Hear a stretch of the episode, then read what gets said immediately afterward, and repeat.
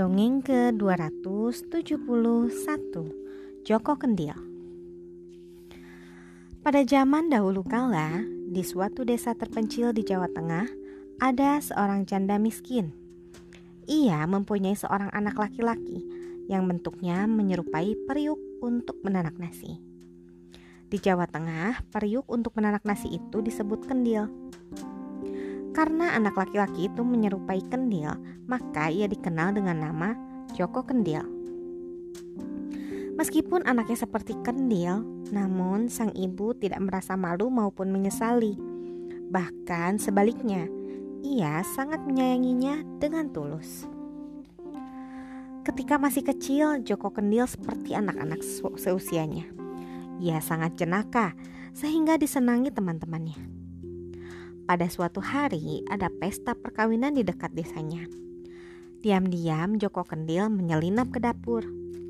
Haduh, ada kendil bagus sekali. Lebih baik untuk tempat kue dan buah-buahan, kata seorang ibu sambil memasukkan bermacam-macam kue dan buah ke dalam kendil itu. Ia tidak tahu bahwa kendil itu sebenarnya adalah manusia. Setelah terisi penuh, Joko Kendil perlahan-lahan menggelinding keluar. Kendil ajaib, kendil ajaib, teriak orang-orang yang melihat kejadian itu. Mereka berebutan memiliki kendil ajaib itu. Joko Kendil pun semakin cepat menggelinding pulang ke rumah. Setibanya di rumah, Joko Kendil langsung menemui ibunya. Dari mana kau mendapat kue dan buah-buahan sebanyak ini? Tanya ibunya penuh keheranan. Joko Kendil dengan jujur menceritakan apa yang dialaminya. Semuanya itu bukan hasil curian, melainkan pemberian ibu-ibu di dapur suatu pesta perkawinan. Menurut mereka, kendil yang indah itu lebih tepat untuk menyimpan kue dan buah-buahan daripada digunakan untuk menanak nasi. Tahun demi tahun, Joko Kendil bertambah umur dan semakin dewasa. Namun tubuhnya tidak berubah, tetap seperti kendil. Pada suatu hari, Joko Kendil menyampaikan keinginannya untuk segera menikah. Tentu saja ibunya bingung. Siapa yang mau menikah dengan anak yang berbentuk kendil? Ibunya semakin bingung lagi ketika Joko Kendil menyatakan hanya mau menikah dengan putri raja.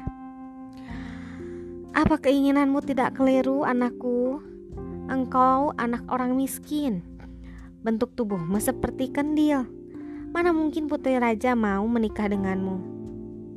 Kata ibunya. Tapi Joko Kendil tetap mendesak untuk segera melamarkan putri raja untuknya. Akhirnya pada hari yang ditentukan Joko Kendil dan ibunya menghadap raja.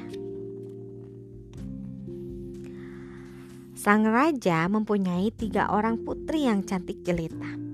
Ibu Joko Kendil dengan hati-hati menyampaikan bahwa maksud kedatangannya adalah untuk melamar salah seorang putri raja. Sang raja sangat terkejut tetapi dengan bijaksana ia menanyakan jawabannya kepada ketiga putrinya itu.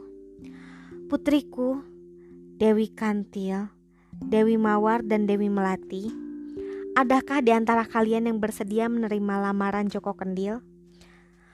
Ayahanda, saya tidak sudi menikah dengan anak desa yang miskin itu, jawab Dewi Kantil ketus.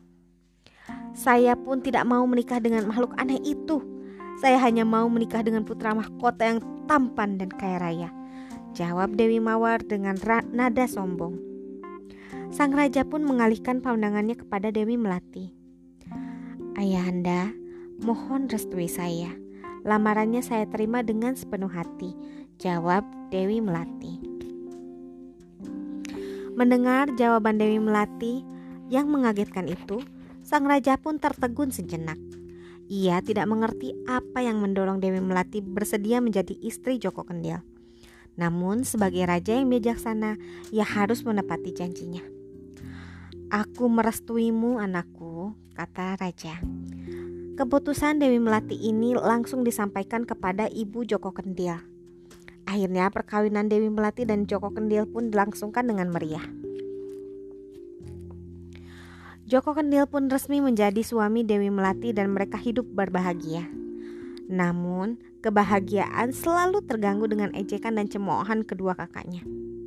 Lihat, suami Dewi Melati jalannya menggelinding seperti bola, kata Dewi Kandil yang sengaja berbicara dengan keras agar terdengar oleh adiknya. Wajahnya jelek, tubuhnya aneh, lebih tepat untuk membuat sampah membuang sampah saja. Sambung Dewi Mawar. Semua ejekan itu diterima dengan tabah dan penuh kesabaran oleh Dewi Melati. Pada suatu hari, raja mengadakan perlombaan ketangkasan dan keterampilan menggunakan senjata sambil berkuda. Seluruh keluarga kerajaan menaksikan lomba itu.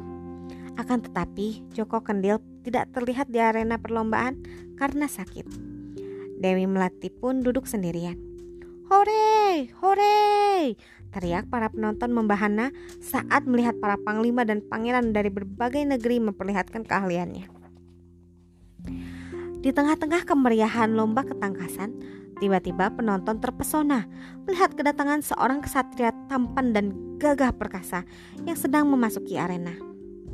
Ia mengenakan pakaian kerajaan yang gemerlapan dan naik kuda tunggangan yang gagah perkasa pula. Dewi Kantil dan Dewi Mawar langsung tersepon, terpesona hatinya dan berusaha menarik perhatian pangeran itu. Mata mereka melirik Dewi Melati yang duduk termangu sendirian. Hanya kita yang pantas bersanding dengan pameran tampan itu. Lihat adik kita sedang termenung memikirkan kendil pujaannya. Ejek Dewi Mawar sambil mencibir ke arah Dewi Melati. Karena tak tahan menerima ejekan kedua kakaknya, maka Dewi Melati pun meninggalkan arena perlombaan dan lari ke kamarnya. Ketika masuk kamar, Dewi Melati tidak melihat suaminya yang terbaring sakit, melainkan hanya melihat sebuah kendil yang kosong. Kendil ini yang membuatku selalu dihina sehingga membuatku sedih. Lebih baik kuhancurkan saja.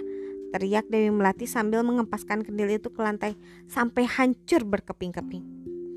Seketika itu juga tiba-tiba di hadapannya muncul seorang satria yang sangat tampan dan gagah perkasa.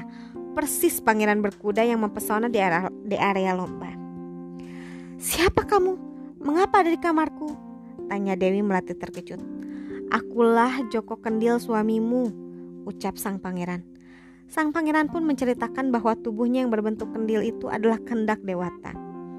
Tubuhnya akan kembali seperti semula apabila ada seorang putri raja yang tulus bersedia menikah dengannya. Dewi Bulati begitu takjub mendengar cerita itu dan langsung memeluk suaminya dengan bahagia. Kejadian itu membuat Dewi Kantil dan Dewi Mawar malu sekaligus iri atas keberuntungan adiknya.